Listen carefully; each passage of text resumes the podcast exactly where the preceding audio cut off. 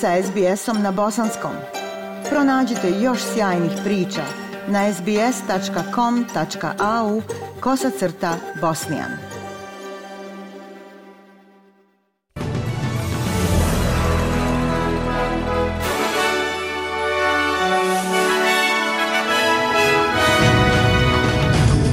U današnjim vijestima poslušajte, premijer Albanezi izrazio podršku izjave G7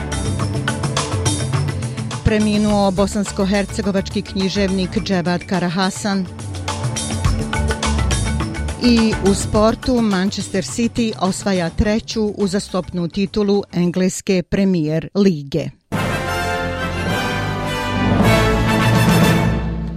Premijer Anthony Albanese izrazio je podršku izjavi G7 u kojoj se poziva na kinesku ekonomsku prisilu. Kina se odlučno protiv izjavi poslano iz Hirošime i požalila se organizatoru samita Japanu. Saopštenje koje su objavile zemlje G7 u velikoj je mjeri fokusirano na ruski rat u Ukrajini, ali se također navodi da su lideri ozbiljno zabrinuti zbog ekonomske prisile. Kinesko ministarstvo vanjskih poslova kaže da je G7 zanemario zabrinutost Kine, napao je i umješao se u njene unutrašnje stvari, uključujući Tajvan. Gospodin Albanizi kaže da Australija jasno podržava status quo kada je u pitanju tajvanski moreuz, ali i da je već neko vrijeme izrazio zabrinutost zbog aktivnosti Kine. China's activity and we've expressed concern Kineska aktivnost, mi smo izrazili zabrinutost i za sebe, trgovina jednim našim avionom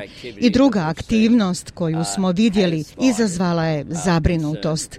Izrazili smo je još i prije. Ono što treba učiniti jeste osigurati da radimo na način koji unaprijeđuje mir, sigurnost i stabilnost u regionu.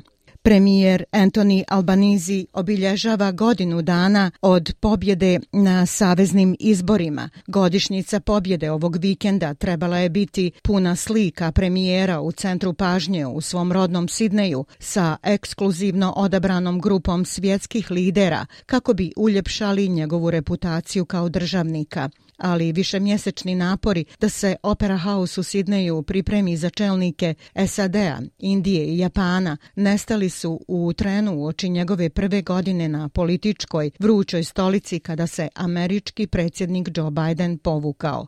Umjesto toga sastanak je održan na marginama samita G7 u Hirošimi. Biro za meteorologiju izdao je upozorenje o teškim vremenskim prilikama za dijelove jugoistoka Australije. Očekuje se da će niske temperature i jugozapadni vjetrovi pogoditi istočnu Viktoriju, jugoistočni Novi Južni Vels, uključujući centralni plato i Lavaru i Tasmaniju.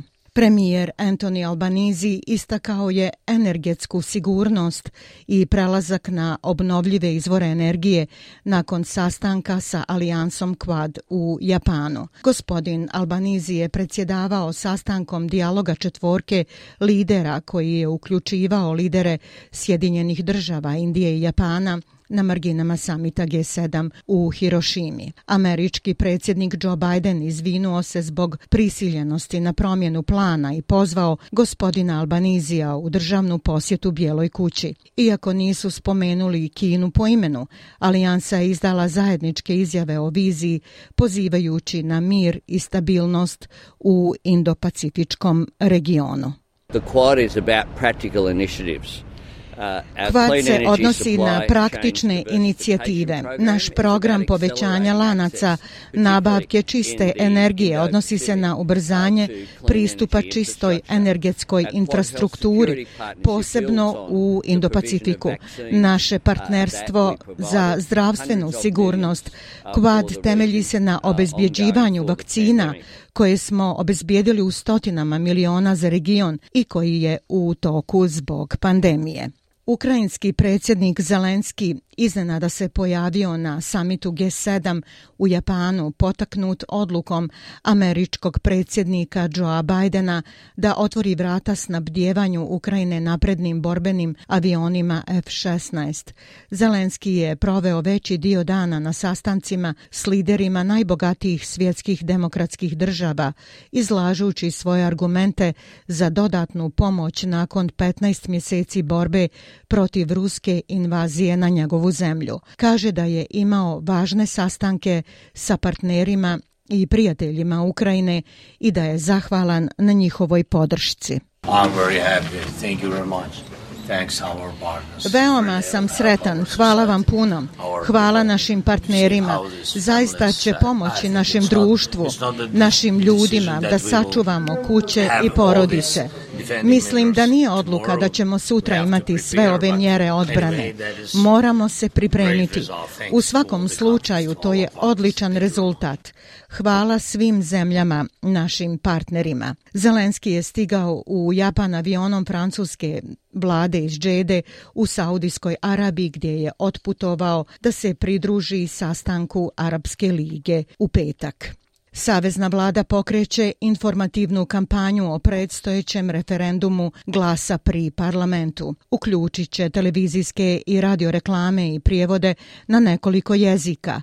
Ministrica za autohtone Australce Linda Burney kaže da će program potaknuti Australce da se pripreme za razgovor o prepoznavanju aboriđina i stanovnika Moreuza Torres kroz uspostavljanje glasa.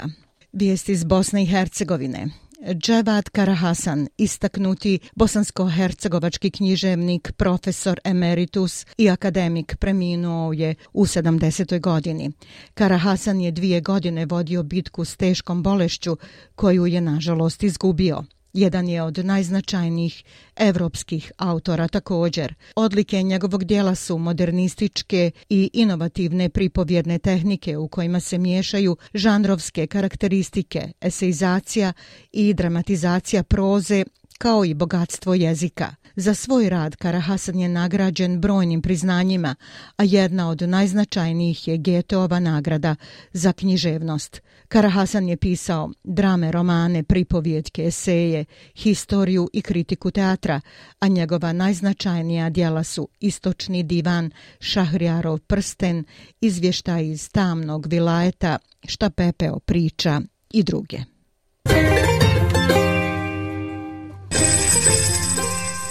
Prema kursnoj listi, australski dolar danas vrijedi 0,66 američkog dolara, 0,61 eura, 0,53 britanske funte te 1,20 bosanske konvertibilne marke.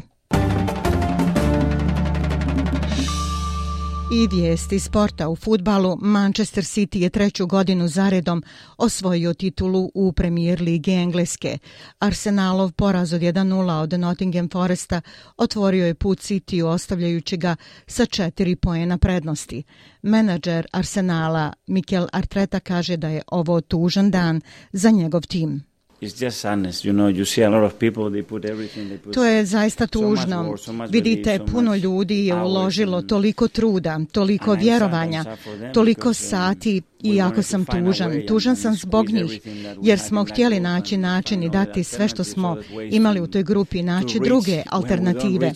Dakle, postoje način da dođemo, a kada ne dostignemo određeni nivo, pokušavamo da ga dostignemo na drugačije načine.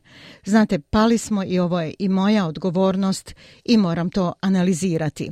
Igrači City-a će se dočepati ligaškog trofeja nakon utakmice protiv Chelsea-a.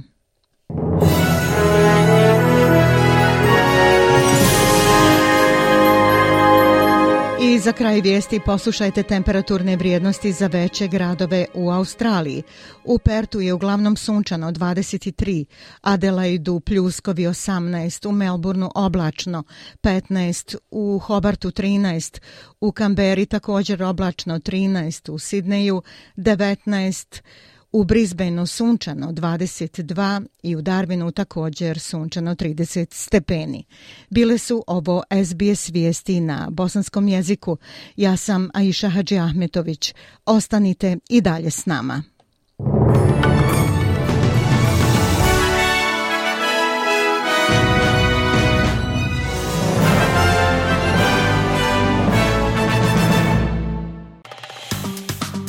Like, share, comment. Pratite SBS Bosnian na Facebooku.